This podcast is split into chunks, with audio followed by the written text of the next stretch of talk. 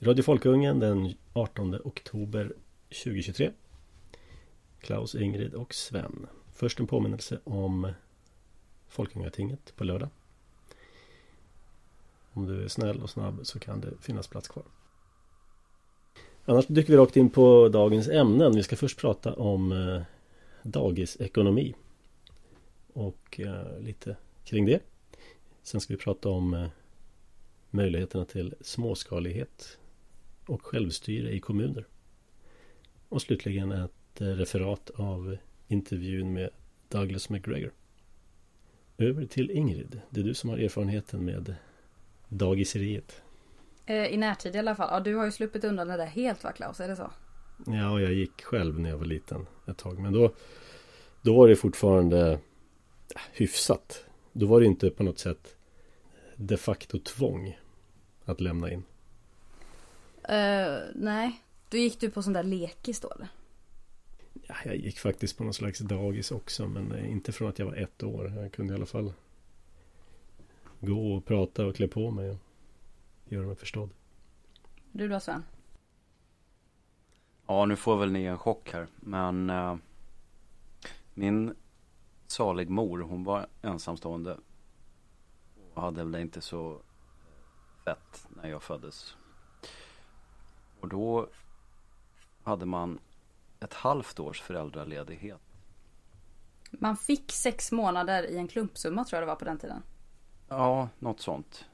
Uh, men det medförde att uh, det var många barn som behövde barnomsorg från och med sex månaders ålder. Och uh, jag var då ett sådant. Mm. Så att jag fick tillbringa första kanske året eller något sånt på ett, ett av de lite speciella dagis som fanns då med spädbarnsavdelningar. Mm. Väldigt progressivt. Ja, eller hur? Ja, det, det, är ju alltså, jag kan inte påstå att jag upplever idag att jag har lidit av det här, men men det är ju definitivt ett tecken på ett ett samhälle som eh, kanske har ambition att vara snällt mot medborgarna men, men där det ändå blir så fel.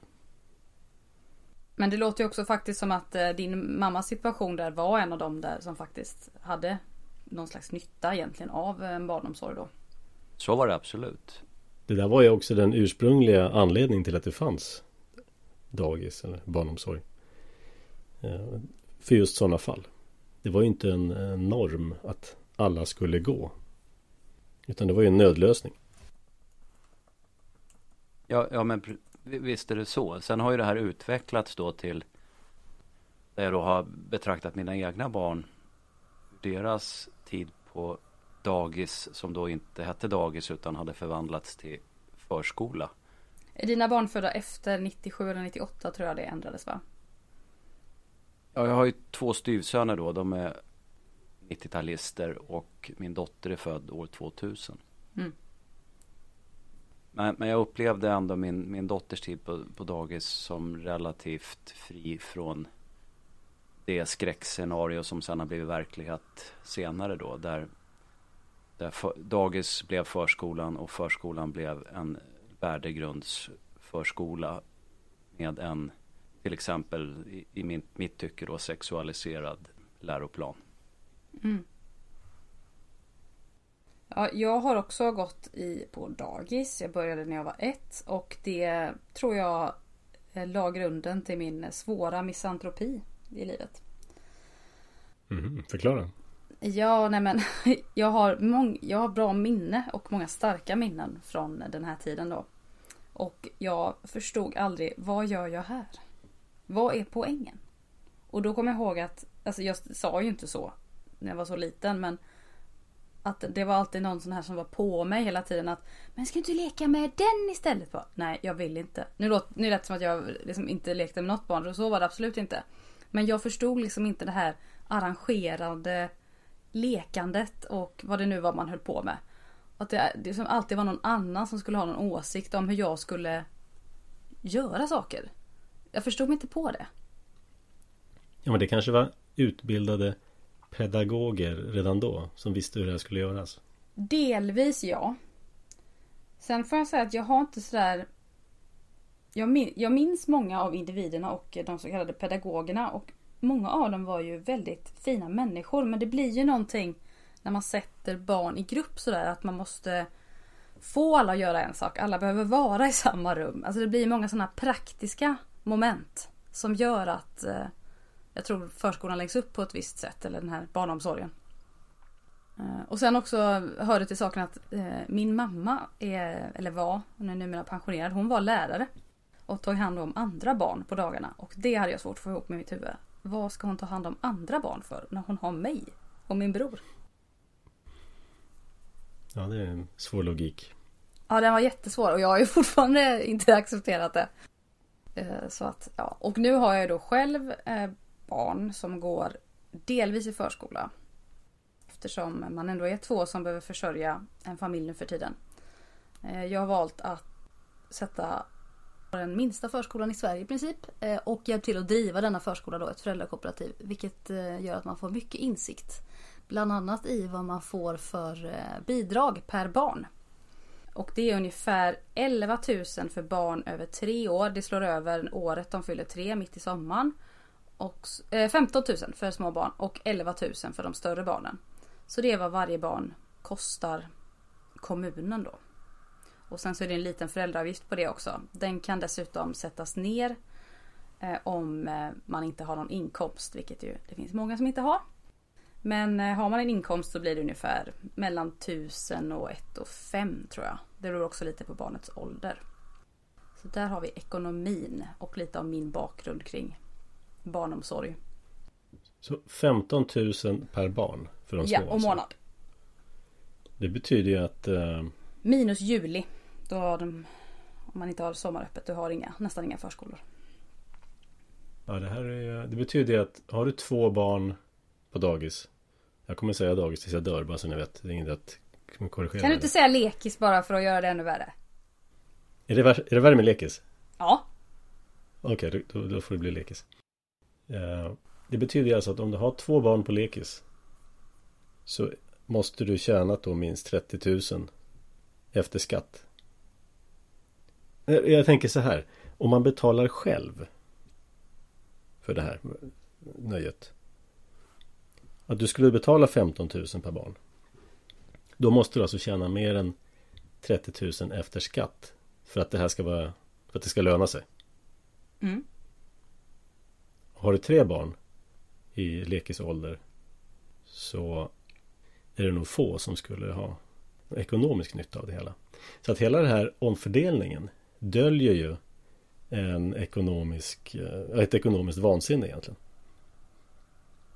Ja, och då har vi inte i, i, i den överslagsräkningen som du gjorde nu så har vi inte vägt in att eh, grannar kan hjälpa varandra eller mormor och morfar kan hjälpa till eller att eh, det, det är ju inte bara den där bokföringsmässiga övningen så att säga utan det, det är ju ännu värre. Det saknas, ja, det saknas ju liksom inte förmåga i, i civilsamhället att ta hand om barn. Va?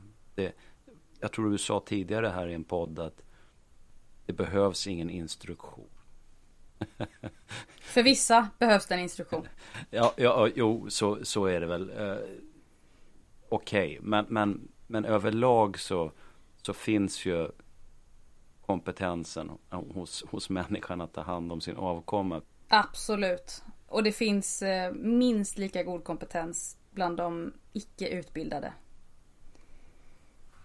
Ja, oh ja. Den här aka akademiseringen av barnpassning, den är ju det är otroligt fånigt. men, men, det är det här som gör det som att i länder som Tyskland till exempel, som jag har lite insikt i, där det inte finns eh, lekisverksamhet skattefinansierat på samma sätt. I alla fall fanns det inte förut. När, när jag bodde där så gick jag hos nunnor. Nunne, när bodde du i Tyskland? Var du som barn då? Ja, jag var väl vet jag, fyra eller någonting sånt. Och det var det katolska kyrkan då som drev det där. Det var väl någon sån här välgörenhetsgrej eller någonting. Min mamma brukar berätta att man fick lämna in barnen genom en lucka i väggen. Och hämta ut dem genom samma lucka sen på eftermiddagen. Nej, men det lät ju faktiskt ännu hemskare.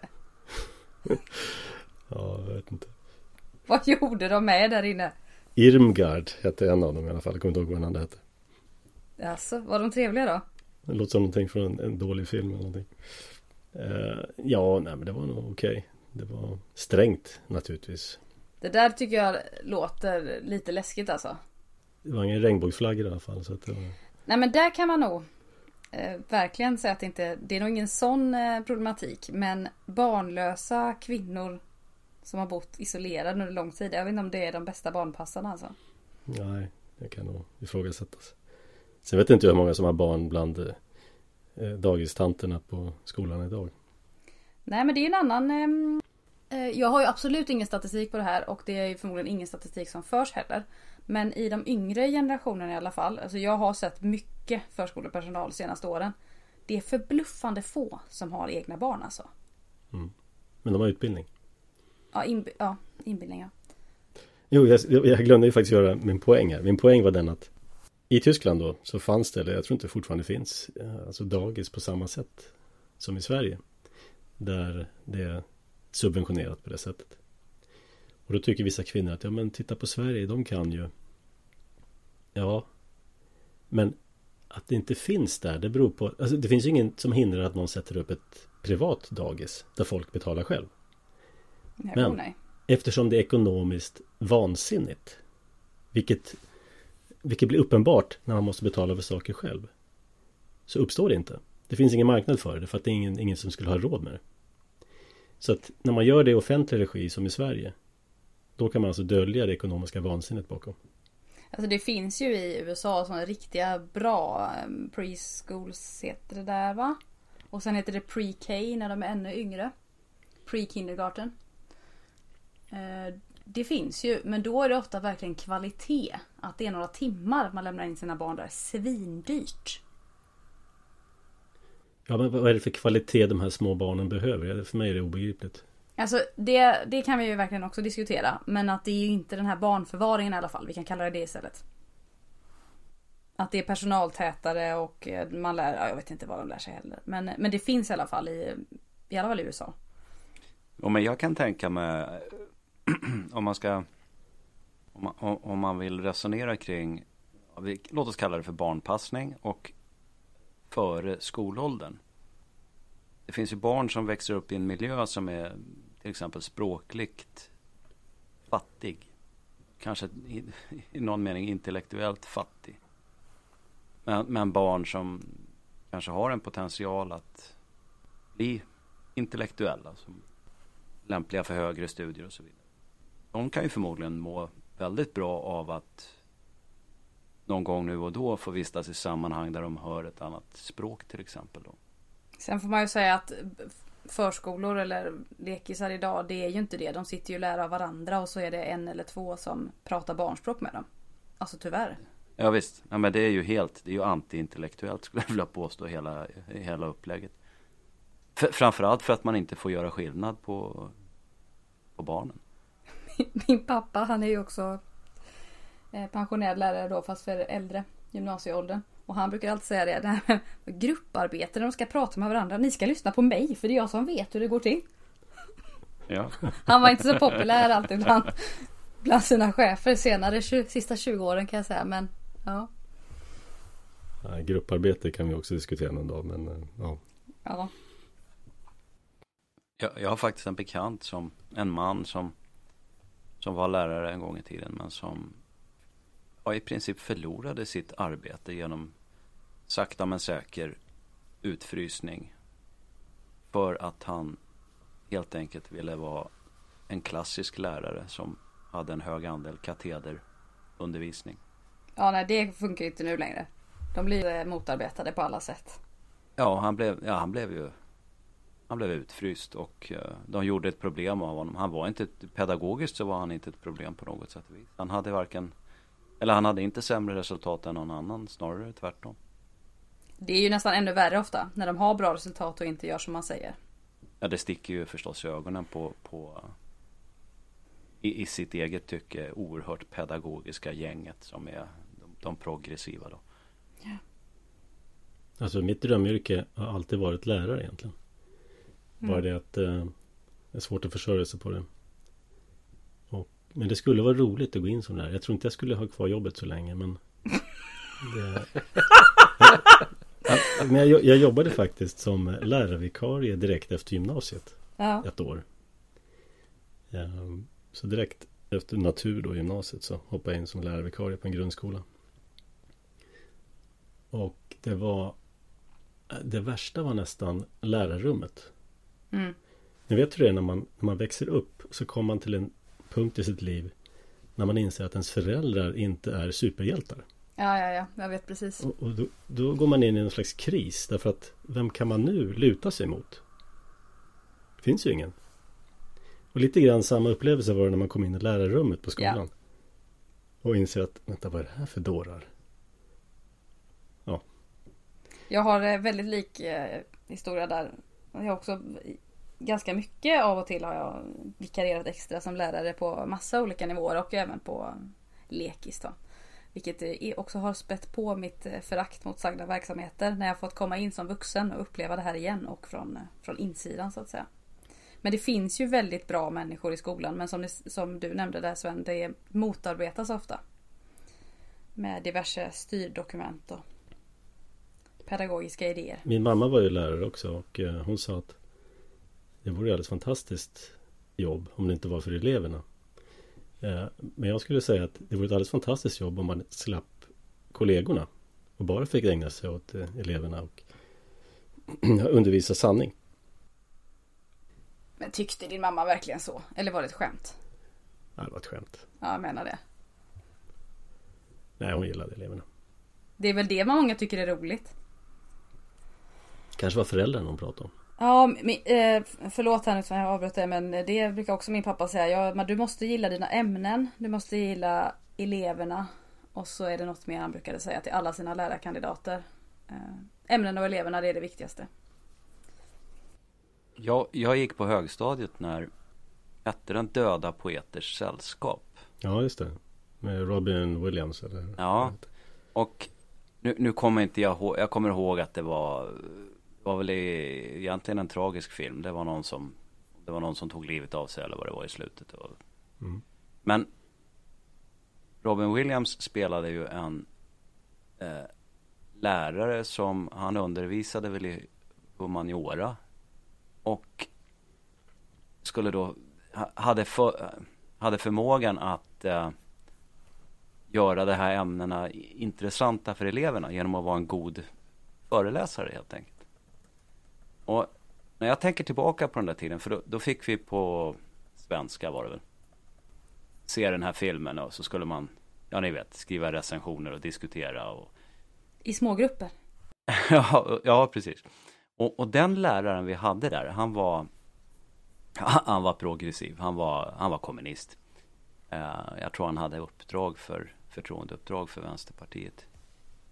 Och det, det märkliga är ju att en sån då progressiv lärare kan romantisera katederundervisningen men skulle aldrig gå med på att den infördes i skolan. Mm. Alltså, det, det, det är så absurt så att om, om, det vill säga om katederundervisningen presenteras som en, den goda upplysta läraren som får eleverna att uppskatta klassisk grekisk drama eller någonting. Ja, men då är det, då är det nästan lite, det är liksom romantiskt på något sätt och, och, och, och vackert och det kan man göra film och, och skriva böcker om och, och sådär va. Men det är ju bara på låtsas därför att själva i verkligheten så föraktar de katederundervisningen när det är på riktigt. Ja, han blev väl förledd av eh, film, romantiken i filmen på något sätt. Ja, ja men visst. Det var en bra film, kommer jag ihåg. Det var en av mina favoriter. Scenen där när han ber alla ta upp böckerna och riva ut de första sidorna ur den. Det är Ja, det, det, det, det, det skulle väl du vilja göra? Precis. Jag kan tyvärr inte påminna mig denna film. Jag har ju sett den förmodligen men helt eh, glömt av. Ja, det är bakläxa på det Ingrid. Ja, ja jag vet. Men eh, om man åter lite till eh, barnomsorgs... Hur man skulle kunna lägga upp det. Jag tror att du har skrivit en artikel om det här för länge sedan, Klaus. Mm, ja, det har jag nog gjort. Den som heter Sockenskola, eller? Ja, dels den, men sen också, det kanske är sen eh, gamla synder på Mises. Eh, men just att man kan ju, det finns ju så många sätt att ordna med barnomsorg. Eh, för att det här ska man ju ändå vara ärlig med. Det hemmafrusystemet som jag har skrivit om ibland. Det är ju inte någon slags konstant utan samhället har ju varit uppbyggt på ett helt annat sätt. Att unga, friska, starka kvinnor har varit ute i som gjort saker för familjen och gården eller vad man nu har bedrivit för verksamhet. Och så har det funnits andra personer runt omkring som har gjort att man har kunnat ordna barnaskaran på något sätt. Och att man har haft barnen med sig i sin vardag, inte minst. Ja, egentligen så, det har vi säkert nämnt förut, så är det här med kärnfamilj, det är någonting väldigt progressivt. Oerhört alltså. Det är en preussisk idé från när det nu är. Ja, det, det, det har ju du skrivit om också. Utan det, det, det ursprungliga är ju flergenerationsfamilj. Ja. Och där finns ju då mormor och morfar och farmor och farfar. Och de är mycket av barnomsorgen medan de starka mellangenerationen är ute och gör allt tungt jobb. Precis. Jag har ju den turen så att eh, jag kan ha mitt barn hos eh, mina föräldrar flera dagar i veckan. Det funkar alldeles utmärkt. Men det, det här är också en idé som jag brukar förfäkta. Man kan faktiskt göra saker i Sverige utan att be om lov. Mm. Och det är inte olagligt. Mm. Eh, en parentes. På en av mina, jag satte på ett takräcke på bilen en gång. Och så kom min dotter och frågade. Får, man, får man göra så utan tillstånd? Hon tänkte bygglov eller något. ja, ja, men hon är så van att man måste be om lov med allting. Men ja. till exempel skulle man kunna ordna då ett kooperativ. Mm. Gå ihop tio familjer. Mm. Och sen så turas man om då. Två eller tre per dag. Och så roterande veckoschema. Då skulle jag Då skulle man kunna jobba fyra dagar i veckan. Och så tar man en dag i tjänst i kollektivet. Och det här är ingenting. Man behöver inte ha utbildade pedagoger. Man behöver inte ha tillstånd. Man behöver inte få kommunpengar och ansöka om det. Det är bara att köra.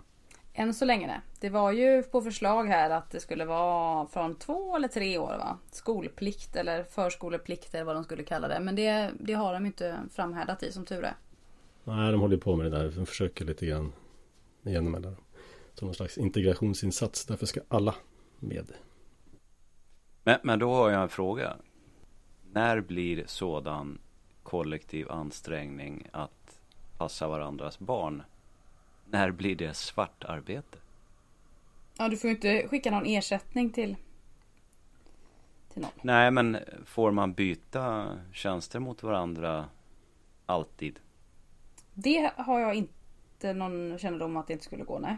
Nej, det finns väl inget om det. Nej, det tror jag inte är problematiskt. Jag har ju ett förflutet som skattmas här också, kan jag erkänna. Oj, det är mycket på ditt samvete du. Jag har inte berättat om det, nej. Det inser jag nu. Oj, oj, oj, jag har så mycket, jag har så mycket synder i livet så att... Eh... Det där hade jag velat veta innan vi bjöd in dig i det här. Du får ju kolla, vadå du får ju kolla upp mig, det står ju offentligt. Ja, okej. Okay. Mm. Dålig, det är bakläxa för dig.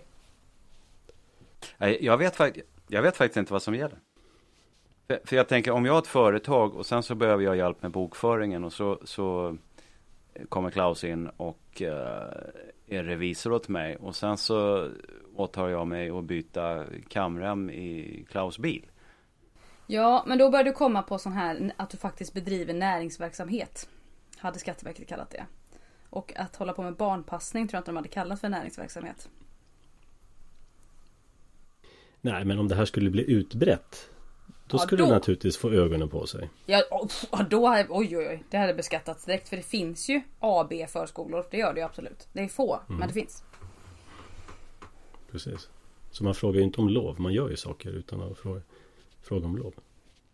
Eh, men jag då som också har eh, Du Klas har ju också gjort väldigt annorlunda med, med dina barn. Eh, men många frågar hur tror du de ska klara sig och sen och hur ska det gå när de börjar skolan? Och jag brukar ju bara titta på folk och säga, ja, men du vet att det finns en hel värld utan svensk förskola som ändå går i skolan sen. I de flesta delar av världen.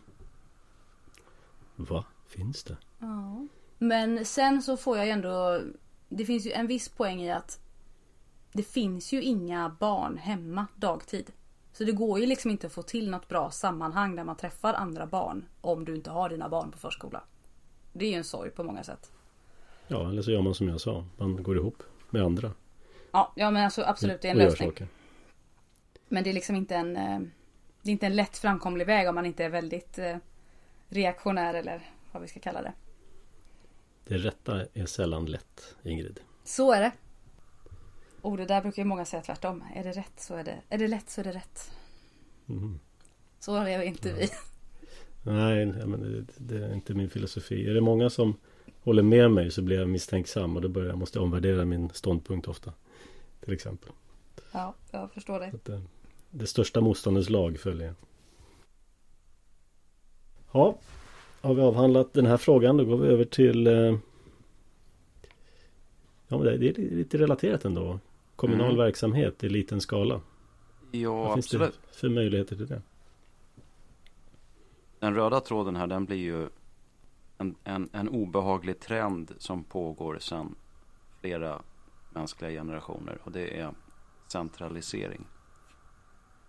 Eh, där såväl barnpassning då som politisk styrning centraliseras.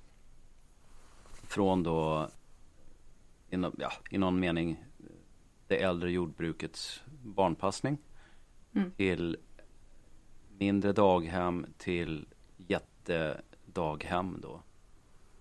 Eh, och, och, en teoretisk eller vad ska jag säga, administrativ överbyggnad, pedagogisk överbyggnad i form av läroplaner och annat dravel.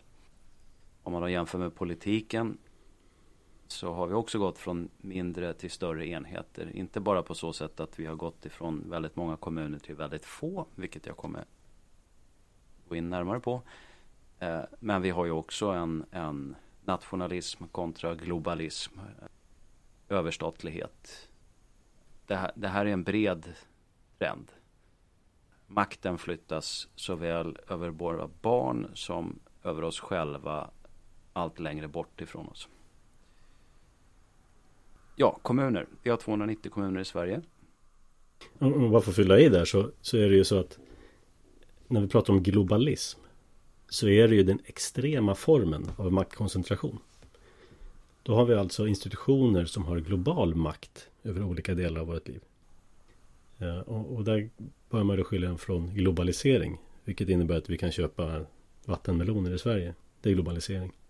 Men globalism är ju en, ja, en ideologi eller ett system mm. där makten sitter på ett fåtal globala institutioner och styr saker i våra liv. Så det är extremformen av det här som vi pratar om nu. Maktkoncentration. Visst är det så. Och det, det är ju det här, den frågeställningen har vi haft uppe tidigare. Att I en demokrati så när upphör den vara intressant? Är det när man har val var sjunde år, var tionde år? Eller hur ofta måste man välja? Men även... Och vad ska man välja också? Ja, men, ja och, och, och hur många ska välja en president till exempel? Om man leker med tanken att tre miljarder väljare ska välja en president, då fattar ju alla, till och med idioterna, att, att det, är en, det är en demokrati som är helt ointressant. Ja, säg inte, säg inte det alltså, att folk fattar det. Folkpartister förstår inte det där, för de pratar ofta om global demokrati.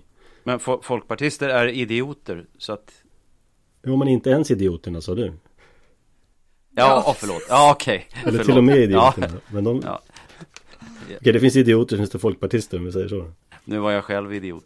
Ja. Nej, men kommuner. 290 stycken idag. Och 10,5 miljon invånare i Sverige. 1952 så slaktade man 2498 kommuner ner till 1037 kommuner. Men då hade vi en befolkning på bara 7 miljoner. Rikets största kommun är Stockholms stad. Till antal invånare då är det bara vi räknar på va? Ja. Det är inte till budget eller? Nej, varken alltså bara invånare. Och mm. där är man nu alltså uppe i knappt en miljon invånare. Den minsta kommunen var 2022 Bjurholm i Västerbotten. Men jag vet att i år så har Dorotea som ligger Eh, det är en fjällnära kommun kan vi säga. En, en fjäll och fjällnära kommun i södra Västerbotten. Har för mig att det gränsar till Jämtland. De har nu gått förbi Bjurholm och är den minsta kommunen. Men Bjurholm hade 2372 invånare 2022. Och av de här 290 kommunerna så är det 32 kommuner som håller hälften av Sveriges befolkning. Så 11 procent, ja, 11 procent av kommunerna har 50 procent av befolkningsmängden. Snittkommunen, alltså medel, medelstorleken på en kommun är 36 000 drygt invånare. Och median är någonstans mellan 16 och 17 000 invånare. Och då, då är det bra att kunna jämföra det här med någonting. Och jag brukar återkomma till Island. Det har nämnts tidigare här i podden. Det, det, det är ett sånt underbart bra exempel. Hur ska man betrakta Stockholms stad med sin snart en miljon invånare? Där, där kanske, jag vet inte, 200-300 000 bor väl i innerstan och ytterligare lika många innerstadsnära. Här, det liksom lattefolket i, i, i Stockholm. Jo, då ska man jämföra med Island. Som har 388 000 invånare. Och då tänker vi efter. Island är ett land, inte en kommun. Islänningarna är ett folk, inte medborgare. Islänningarna har ett eget unikt språk. Återigen på 388 000 invånare. Och Island är uppdelat i 98 kommuner. Wow. Vilket, vilket ger ett snitt på 4 000 invånare per kommun. Och Island har ett fullt jämförbart BNP per capita med Sverige. Det vill säga man kan inte anklaga Island för att vara någon slags ekonomiskt efterblivet land som det är dåligt att leva i och de är, så, de är så ineffektiva på grund av sitt stora antal kommuner och så vidare. Utan Island är ett, jämfört med Sverige idag så är Island ett mycket väl fungerande land. Medan vi håller på att falla ner i, i kriminalitet och, och massa tok då. Men har de förskola? Det har jag inte kollat upp. Nej, det får vi ta en annan. Nej, men kolla upp det och så återkommer du. Så ja. tar vi upp det här ämnet igen sen när du är förberedd. Precis. ja. Magister Klaus är igång här igen och håller oss ansvariga för diverse saker idag. Jag är på hugget idag. Ja. Vad sa du, vad sa du snittstorleken var på svenska kommuner jämfört med isländska? Eh, 36, 36 000 i Sverige och 4 000 på Island. Island har kommunstorlek som var jämförbart med vad Sverige var när vi hade 3000 socknar ungefär. Då. Ja, mm. det, det, blir det nog om man gör sin matematik. Eh, det viktiga här är ju att, eh, eller en av de viktigaste aspekterna på det där, det är ju att när en kommun har 4000 invånare så jag att eh, ja, säg att eh, 2500, 3000 eller något sånt är, är väljare. Så har ju varje invånare i kommunen en rimlig chans att förändra politiken. Mm. Vilket man inte har i Stockholms stad. Och dessutom känner de man, andra man bestämmer över på någon nivå. Precis, det finns en social kontroll. Makthavare som gör bort sig eller visar ont uppsåt, de kan få stå liksom med skammens rodnad. Och det, det, det, det är ju inte fallet i Stockholms stad. Jag brukar kalla det för brevlådeprincipen. Jag vet var din brevlåda bor. Ja, precis. Ja, det har, det har nämnts. Det har nämnts. Nej, men det här är ju om man kokar ner ordet frihet så är det egentligen samma sak som självbestämmande. Och självbestämmande är ju omöjligt om du är en röst bland 36 000. Däremot om det är en röst bland 4 000 då ökar självbestämmandet och därmed friheten. Och i den extrema globalismen så finns det noll frihet. Mm. Det är därför det här är intressant med storleken. Should own nothing and be happy. Precis. Och då tänkte jag knyta an här då lite till det Ingrid sa om kostnader. Så, min, min eh, hemkommun då, Örnsköldsvik, har 56 000 invånare. Och då är det lite intressant att eh, då förstår man att en kommun med 56 000 invånare det är ändå en, en rätt stor kommun eftersom 32 eh, av de största kommunerna har hälften av rikets invånare och nu lyckades jag slarva bort den uppgiften här men jag tror att den på 32 plats så hamnade Skellefteå. Mm -hmm. Och de har jag för mig ligger på kanske 70 000 invånare. Så att 56 000 invånare är ändå relativt stort. Då. Snittkommunen var ju 36 000 och median 16 500 ungefär. Så att men självbilden i Örnsköldsvik det är att man är en liten kommun. Man är långt bort ifrån makten och så vidare. Makten finns i Stockholm. Men, men, men, det är ingen liten kommun. 56 000 invånare, det är en rackarns massa invånare. Och, och kommunen slogs ihop en gång i tiden av sju kommuner. Mm -hmm. Början på 70-talet. Okej, okay. kommunen då, vad har de för kostnader? Ja, det ligger på någonstans på 5 miljarder när man tittar på de olika nämnderna i kommunen och deras ansvarsområden då. Du pratar om Örnsköldsvik fortfarande? Ja, ja visst, precis. Och sen, är det inte riktigt sant det där att man har nettokostnaden är inte 5 miljarder utan det finns så kallade interna poster i det där. Och jag ska erkänna att jag har inte riktigt kläm på vad de är. Men jag misstänker att det är till exempel att man köper tjänster från egna kommunbolag. Mm. Ja, då måste man ju liksom räkna om det för att ja, det inte ska ge fel bild. Så att när de här interna posterna avgår då ligger kostnaden på ja, 4,4 miljarder tror jag.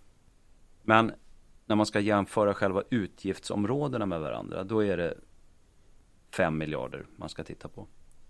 5,5 miljarder till och med tror jag. Och då är det så att de fördelas på det här sättet. Att kommunstyrelsen tuggar i sig en miljard. Kommunstyrelsen ansvarar för, man skulle, vill man vara elak då så kan man säga eh, en massa tjänstemän som är anställda i kommunen. Det är kommunledningsförvaltningen och sånt där. Sen har vi en samhällsbyggnadsnämnd. Det är gator och torg och, och, och dylikt. Va? 562 miljarder, äh, miljoner. Sen har vi kultur och fritid. Det är simhallar och, och, och... Kulturhus. Ja, ett sånt vill man bygga. De är galna. Har ni inget? Nej. det har vi inte. Men då är ni inte ni på kartan än. Och ingen får lära sig blockflöjt? Nej, det går inte att spela blockflöjt utan kulturhus. Helt omöjligt. Ja, herregud. Ja, världen fick YouTube och allt revolutionerades när det gäller till exempel musik. En fantastisk revolution som har betytt enormt mycket. Man kan ägna sig åt musik på ett helt annat sätt idag än tidigare. Eller rättare sagt, man kan kommunicera sin musik med andra på ett helt annat sätt. Och ändå så måste vi skapa fysiska träffplatser för det här på skattebetalarnas pengar. Det, det är helt sinnessjukt. Ja, i alla fall. Kultur och fritid, 221 miljoner. Eh, humanistiska nämnden, det är alltså den sociala verksamheten, socialtjänst, dylikt. 387 miljoner. Och nu kommer det då, det som är, är så galet. Eh, då har vi bildningsnämnden. Det är alltså förskole och skol och gymnasieverksamhet. 1,7 miljarder. Och så omsorgsnämnden. Och det är eh, äldreomsorg och människor som behöver omsorg som är, är med funktionsnedsättningar till exempel. 1,5 miljarder. Så att av de här någonstans 5,5 miljarder totalt så ligger eh, det 3,2 miljarder inom förskola, grundskola, gymnasium, äldreomsorg och handikappade. Mm. Hur många procent blir det för den som är trött i huvudet? Ja, det har jag inte räknat ut, men det blir ju, det är alltså, det är betydligt mer än hälften. Och Sveriges vanligaste jobb för kvinnor är undersköterska. Det är många av dem som jobbar i sådana verksamheter som du nu beräknade upp. Jo, jag brukar säga att sossarna, de har ju sett till att kvinnor i de här verksamheterna är underbetalda så att de ska fortsätta rösta på sossarna. När, när inte industrin skapar socialistiskt sinnade arbetarmän. Då måste man skapa de här underbetalda arbetarna in-house. Det vill säga i den kommunala verksamheten. Och det sker också. Det är fruktansvärt dåligt betalt. Men om man nu tänker sig att en, en, en kommun vill Säg att en kommun, en liten kommun, tas över av väldigt frihetligt sinnade människor. Hur skulle det bli då? Ja, och så, så säger de så här. Nu ska vi göra det här kommunen till ett skatteparadis. Mm. Vi ska marknadsföra vår frihetlighet här. Uh, så att vi får inflyttning av människor som dels vill ha låga skatter och dels uh, trivs med sådana idéer helt enkelt. Ja, då går ju inte det. Därför att staten via både nationell lagstiftning och föreskrifter ifrån eh, statliga myndigheter. De påför ju massa eh, obligatoriska uppgifter på kommunerna som, som de inte kan utan att bryta mot lag i brist på bättre ord åsidosätta. Så att det går ju liksom inte att sänka skatten helt enkelt. Och, och för den som inte känner till det. Eh, ja, I Örnsköldsviks fall då, den kommunala skatten, det den, den skatt som går till kommunen, inte till regionen, den är 22,7 procent. Och vill man ha ett riktvärde då kan man tänka 20 procent i kommunal skatt och 10 procent i regional skatt. Sen i, i fattiga kommuner då är ju de här, då är ju alltid någon av oftast kommunalskatten högre då. Uh, så att på en arbetsvecka då, hela måndagen då jobbar man åt kommunen. Va?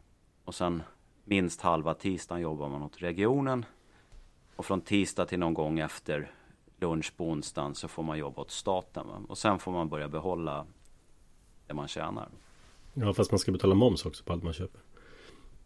Eh, ja, statens del där, den, den, den är lite svårberäknad och den kopplar ju till konsumtion och sådär också eftersom eh, ja, eftersom det inte bara är en inkomstskatt. Så då kan jag stänga min flik som är öppnat här nu, Hemnet Dorotea. Jag tänkte vi skulle tagit över det men eh, det är bara glömma då. Uh, nej men det här är ett problem och, och då är liksom, hur, men hur skulle man kunna göra istället om man då får, får fantisera då att det fanns en politisk vilja till att verkligen förändra det här. Och så säger vi en möjlighet då också kanske utifrån, för lagar går ju att ändra. Ja, ja, ja, oh ja. Uh, jag menar man har ju ändrat någonting som var mycket bättre på i princip 1800-talet till någonting som är sämre idag. Så rimligen så kan man ändra tillbaka i princip. Jag brukar ofta påpeka det för folk. Lagar är inte naturlagar. Du måste hålla isär det. Mm. Men jag, som, jag, vill, jag vill ha snabba lösningar. Vad händer om man som kommun struntar i det där? Blir det tvångsförvaltning då eller? Ja du. Ja, vem har provat? Bra fråga. Nej men det, det jag, jag, tror det kan bara hanteras i de enskilda fallen. Det vill säga att den som anser sig drabbad av att kommunen inte följer eh, socialtjänstlagen eller vad det kan vara. Eh, de får ju driva det då i förvaltningsrätten och kammarrätten och, och, och vad heter sista instans där nu? Eh, Högsta förvaltningsdomstolen och sen till slut blir det väl regeringen va? Så kanske det är ja jag tror inte att det finns något, liksom, man kan inte, kommunen kan inte få en gode man om jag säger så. Det har inte prövats hittills i alla fall. Nej. Nej men det är väl dags då att vi, att någon prövar det här. Men, men det som behövs då anser jag, det, det, det man ska se framför sig. Det är helt enkelt mindre och fler kommuner. Och där går det ju faktiskt att driva, man kan driva en sån fråga eh, politiskt. Och det har ju skett också. Nu kommer jag inte ihåg. Eh, men det är ju kommuner som har, har, har brutit sig ut. Va? Knivsta bröt sig väl ut från Uppsala tror jag. Ja, ja. där växte jag upp. Så att en gång slogs den ihop med Uppsala. Och eh, Knivsta var en väldigt rik kommun för det bodde mycket piloter och sånt som folk som var på Arlanda. De tjänade bra pengar en gång i tiden. Eh, så det var ju väldigt attraktivt då för Uppsala. Ja. Men sen så bröt man sig ur igen då för ja, vet jag, För tiotal år sedan. Ja. Det var även på förslag eh, där jag uppväxt i en stadsdel i Göteborg. Som faktiskt eh, var också en egen kommun fram till någon gång tidigt 1900-tal tror jag. Men det blev inte så. Men eh, det var ändå uppe. Någon gång på 90-talet. Mm. Ja, och de här Nästa grej då det är färre statliga obligatorium och krav. Och det går också att driva opinion kring enskilda sådana saker. Det, det kanske är svårt att liksom ta ett samlat grepp på det. En aktuell grej det är ju att det, det finns nya krav vad gäller LSS-boende. Va? Mm. Uh, där har man då det är ständigt ökade krav och kommunerna måste bygga nya bostäder, LSS-boenden helt enkelt. Det är väl också en folkpartistisk idé för övrigt. Bra grundidé måste jag säga ändå. Men... Eh, jo men det, det tar liksom det tar liksom aldrig slut och det, det, liksom är, det är så detaljerat och byggnormerna förändras under resans gång och, och, och byggkostnaderna så att allting bara skenar. Det finns liksom kommunerna berövas möjligheten att mätta mun efter matsäcken. Vilket man då löser för övrigt med sån här eh, eh, omfördelningspolitik på kommunal nivå då med generella respektive riktade statsbidrag som det heter. Skulle man ta bort mycket av de här kraven så skulle det här åtminstone förbättras. Och sen finns det en tredje grej som jag anser är helt avgörande i det här sammanhanget. Men det skulle ju i princip, det skulle väl kräva en förändring i regeringsformen. Och det är ju att man inför riktiga personval. Det vill säga att man ska hålla personer ansvariga, inte partier. Den, den gode borgmästaren. En person med lokal förankring som har anseende och förtroende och förvaltar det väl. I Finland har man väl lite mer så va? Jag vet inte. Ja, jag tror det. Ja, det anonyma tjänstemannaväldet är ju problematiskt. Ja, det är fruktansvärt. Och det är också en utväxt av partiväldet skulle jag vilja säga. Det vill säga att det är partier som styr och inte individer. Det finns ingen individ man kan hänga. Och det är helt uppsäkrat tack vare partistödet. Vi, vi vinnlägger oss ju om att ha offentlighetsprincip och vi har, vi har minsann demokratiska forum då, folkvalda församlingar och där ska det debatteras och, och allt ska vara transparent och fint. Men när man börjar studera kommuner där Socialdemokraterna och, och då kan jag säga att det skulle lika kunna Det finns vissa borgerliga kommuner där man kan byta sossarna mot Moderaterna. Då, så att det handlar inte så mycket om Socialdemokraternas socialism här utan det handlar om vad händer när ett parti har egen majoritet under lång tid. Ja, då flyttas ju alla de här debatterna in innanför de stängda dörrarna, dörrarna i partiet. Mm. Och allt det som sker i kommunfullmäktige och i nämnderna, det är bara en chimär. Ett skådespel. Det finns ingenting att debattera. De som har makten, de som har egen majoritet. De behöver inte de behöver inte göra någonting. Jag kan lika gärna säga i full, fullmäktige att äh, vi skiter i det här nu, nu går vi till beslut. Någon däremot. Sen äh, votering om att vi går till beslut och så röstar alla sossarna majoriteten för att vi skiter i debatten.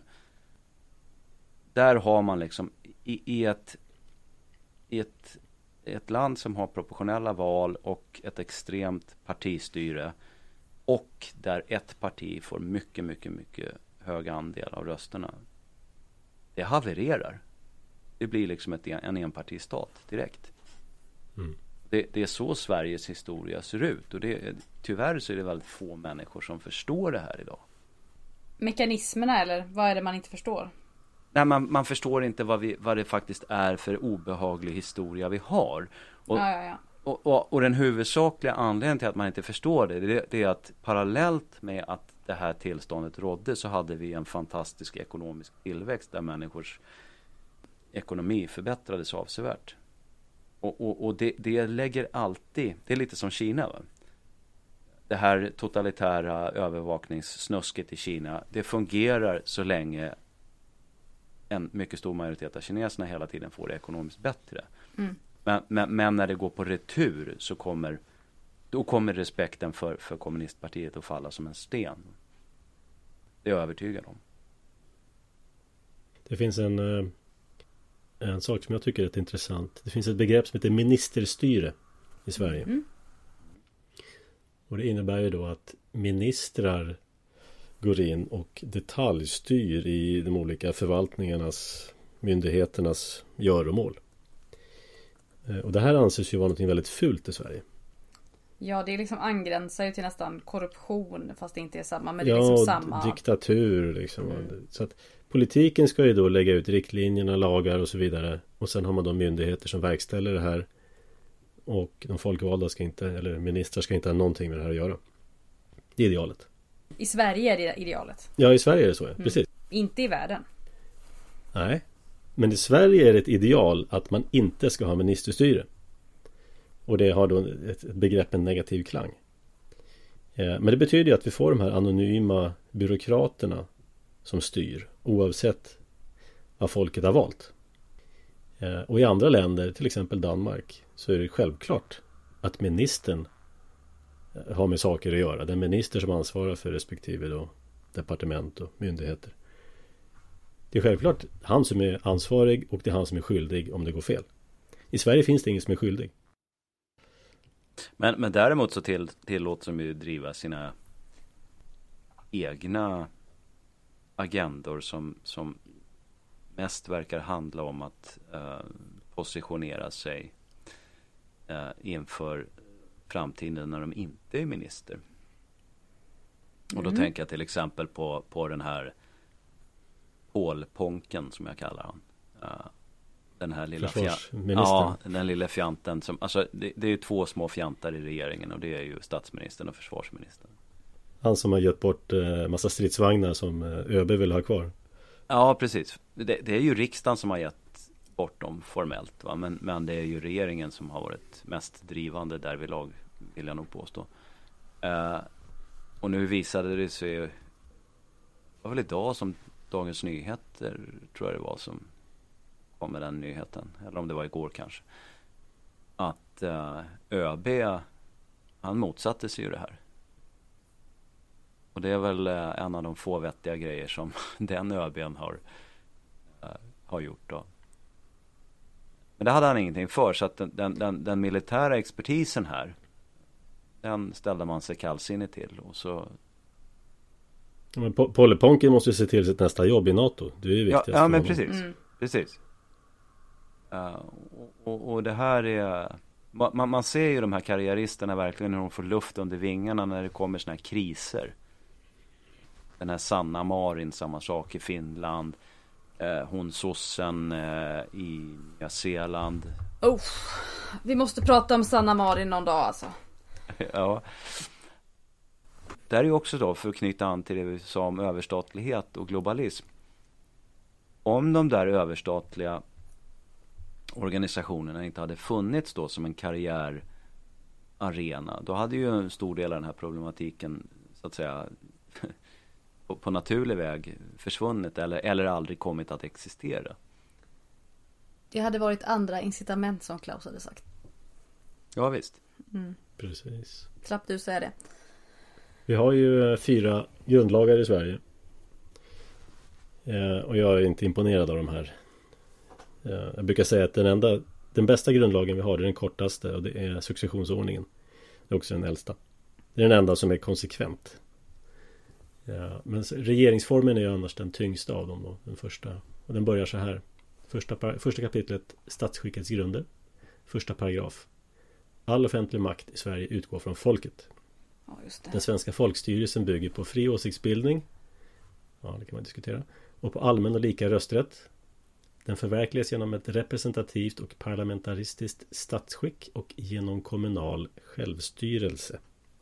Det har vi alltså i första paragrafen. Ja. Och det där är ju då i praktiken väldigt begränsat som vi har konstaterat här. Jag kommer ihåg för många år sedan så när jag bodde i Huddinge kommun så tänkte jag nu ska jag engagera mig i Rädda Världen. Så jag traskade upp till kommunhuset. Fick prata med kommunens starke man. Och jag intervjuade honom och frågade ja, men, Finns det något man kan göra här? Och vad gör du? Och sådär. Ja, sa han. Det mesta är ju bestämt från staten och vi kanske har Kanske 10% av vår budget kan vi själva förfoga över så att Det är inte så mycket vi kan göra egentligen. Men det var ju hedersamt av honom att han sa det. Ja, ja absolut Så då traskade jag ut och bestämde mig för att aldrig mer befatta mig med sånt där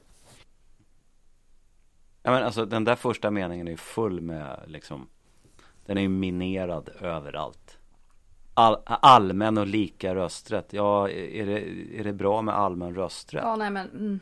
Man låter ju mördare och förståndshandikappade Rösta Och dementa Inte bara det, det är ett ideal att de ska få ja. göra det också Jag kan för övrigt påstå att äh, Människor som är det, det, är oreglerat i lag egentligen. När en människa är satt under förvaltare, vem ska rösta?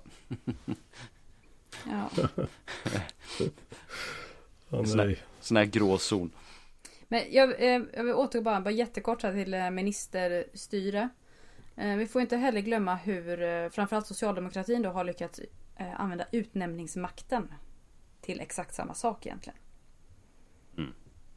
Ja, de, nytt, de nyttjar ju det där att även om man råkar sätta dit en borgerlig politiker om det nu fanns någon. Precis. Så spelar det ingen roll därför att uh, tjänstemän sitter kvar.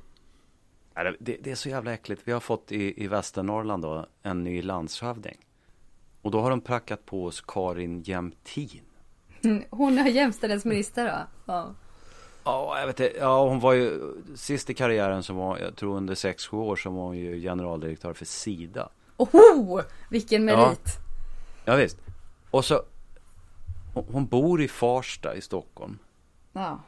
Och så blir hon utsedd till landshövding i Västernorrland. Och det, det är som ett jävla feodalsystem då där man skickar sina jävla avdankade politiker ut i landet så att de ska få sitta och, och smörja kråset med, med, med 150 lök i månadslön eller vad de nu har.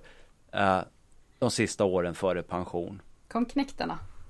Ja men det, det, det, är så vidrigt Ja men det är en förläning som de har fått Ja visst Som, som man fick förr, man belönade adelsfolk va? Nu har du hjälpt kungen här så här får du ditt län, får du ta ut skatt och, och styra och ställa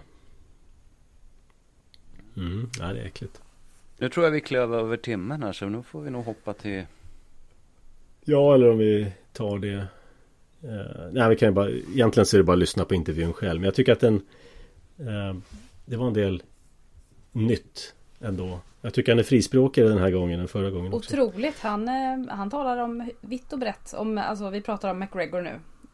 Ja. Precis. Bra att du sa det. Eh, han sa dessutom saker off the record innan vi pratade som jag inte ska citera. Nej, men det var, det var bättre så att säga. Ännu bättre. Ja. Han, är, han har förstått hur världen fungerar om man säger så. Så som vi ser det i alla fall. Och, och vilka människor som kan blandas och inte. Ja. Um, nej men han är väldigt intressant tycker jag och uh, Alltså han kan ju sin historia, det är oerhört imponerande. Hur han, uh, världshistoria. Ja precis, från väldigt många delar av världen också. Ja. Men om man säger precis. så här, erbjuder han något hopp? Och då ska jag förtydliga den frågan. Alltså, jag betraktar ju USA som en väl dubbelt. Eh, å ena sidan så uppskattar jag allmogen i USA. Och historien kring den. Eh, människor har en mer fri, överlag har en mer frihetlig syn. De misstror eh, centralmakten. Av tradition och historia. Ja.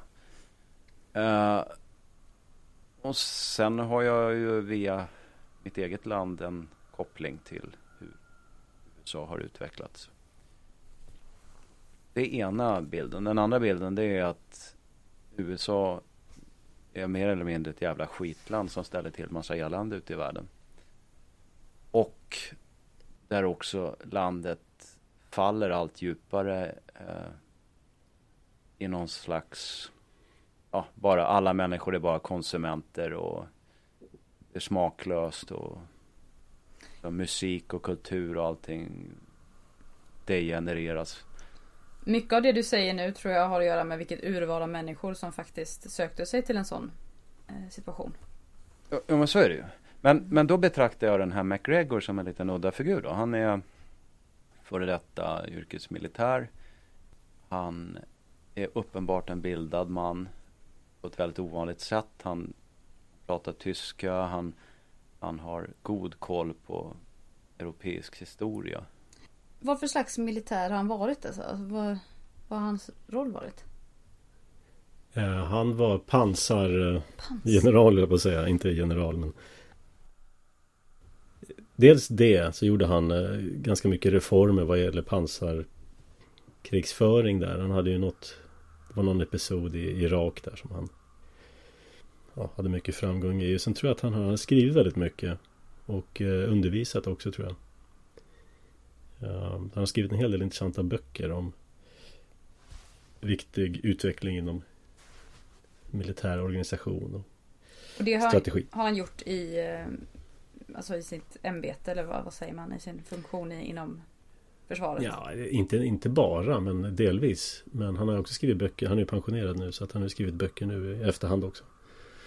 Så att, nej men på tal om då hopp. Jo, jo men jag tänkte då, kan han vara, kan han vara en, en, en typ av amerikan som skulle kunna att säga höja USA igen från den kanske lite nidbild som jag tecknade? Det tror jag absolut. Eh, han Sista månaderna i Trumps administration så var ju han någon hög rådgivare där. Och jag misstänker att om det blir Trump igen att han skulle få en framträdande position igen. Och ett av USAs stora problem är just den här krigshetsen som drivs av en liten eh, onämnbar klick i statsapparaten. Det ligger ju inte i gemene amerikans intresse. Och det fattar ju han. Det ligger i små intressegruppers intresse. Så det skulle han ju råda bot på om han fick den möjligheten. Han har den insikten. Och han har ju blivit Det finns en organisation som heter Our Country Our Choice. Och deras mål är att återställa USA. Och han har blivit VD då för den organisationen. Mm. Och de har eh, tre huvudpunkter. Och om jag förstod det rätt då så är den första att eh, få slut på symbiosen mellan lobbyister och vad han kallar för the Uniparty. Enhetspartiet, eller som vi i Sverige säger, åttaklövern. Mm. Och lobbyismen. Alltså, det är en otrolig korruption och lobbyverksamhet mellan ja, militärkomplexet, medicinkomplexet, bankkomplexet och the Uniparty. Det spelar ingen roll vilket parti det är. Och det här måste få ett slut. Eh, det är den ena, ena punkten då. Och den andra är att återställa Faith, Family och Country som grund för samhället. Och bland annat där så pratar han om att sätta stopp för den här sexualiseringen av barn. Som pågår även där. Den pågår ju mycket starkare i USA i vissa delar. Ja, kanske. Vissa delar av samhället. Inte kanske ja. som hela, hela nationen. Precis, men du har åtminstone där möjligheten att inte sätta dina barn i allmänna skolor. Ja, visst. Vilket du inte har möjlighet att göra i Sverige. Eller även om du sätter dem i friskolor så är det samma läroplan och samma RFSU-grejer och sådär. Ja. ja. Och sen den tredje punkten då, det är att återställa rättssamhället. Med hårda straff, alltså täppa till gränsen och hårda straff och utvisningar. Och som han sa, han citerade Mao. Vid, vid upplopp, shoot one, educate a million. Det kunde de inte vid påskkravallerna kan jag säga. Ja, ja, de, de har inte läst sin Mao. Nej, de har inte gjort det. Och det är samma problem vi har i Sverige naturligtvis. Så vi skulle behöva samma fokus. Och det är det vi folkungar jobbar för. Så att vi är hans motsvarighet till uh, Our Country, Our Choice. Han kom, ni kom in väldigt fint på det i slutet av uh, samtalet där om just grunden till varför det ser ut så här. Och det önskar jag att ni kan fortsätta på en annan gång. Om han är villig. Mm. Det är han. Jag tänkte försöka, ska försöka få tag i honom var tredje månad ungefär. Nej, då ska vi inte ta mer av våra lyssnares tid utan vi önskar på återhörande. Hej så länge. God kväll. Hej då.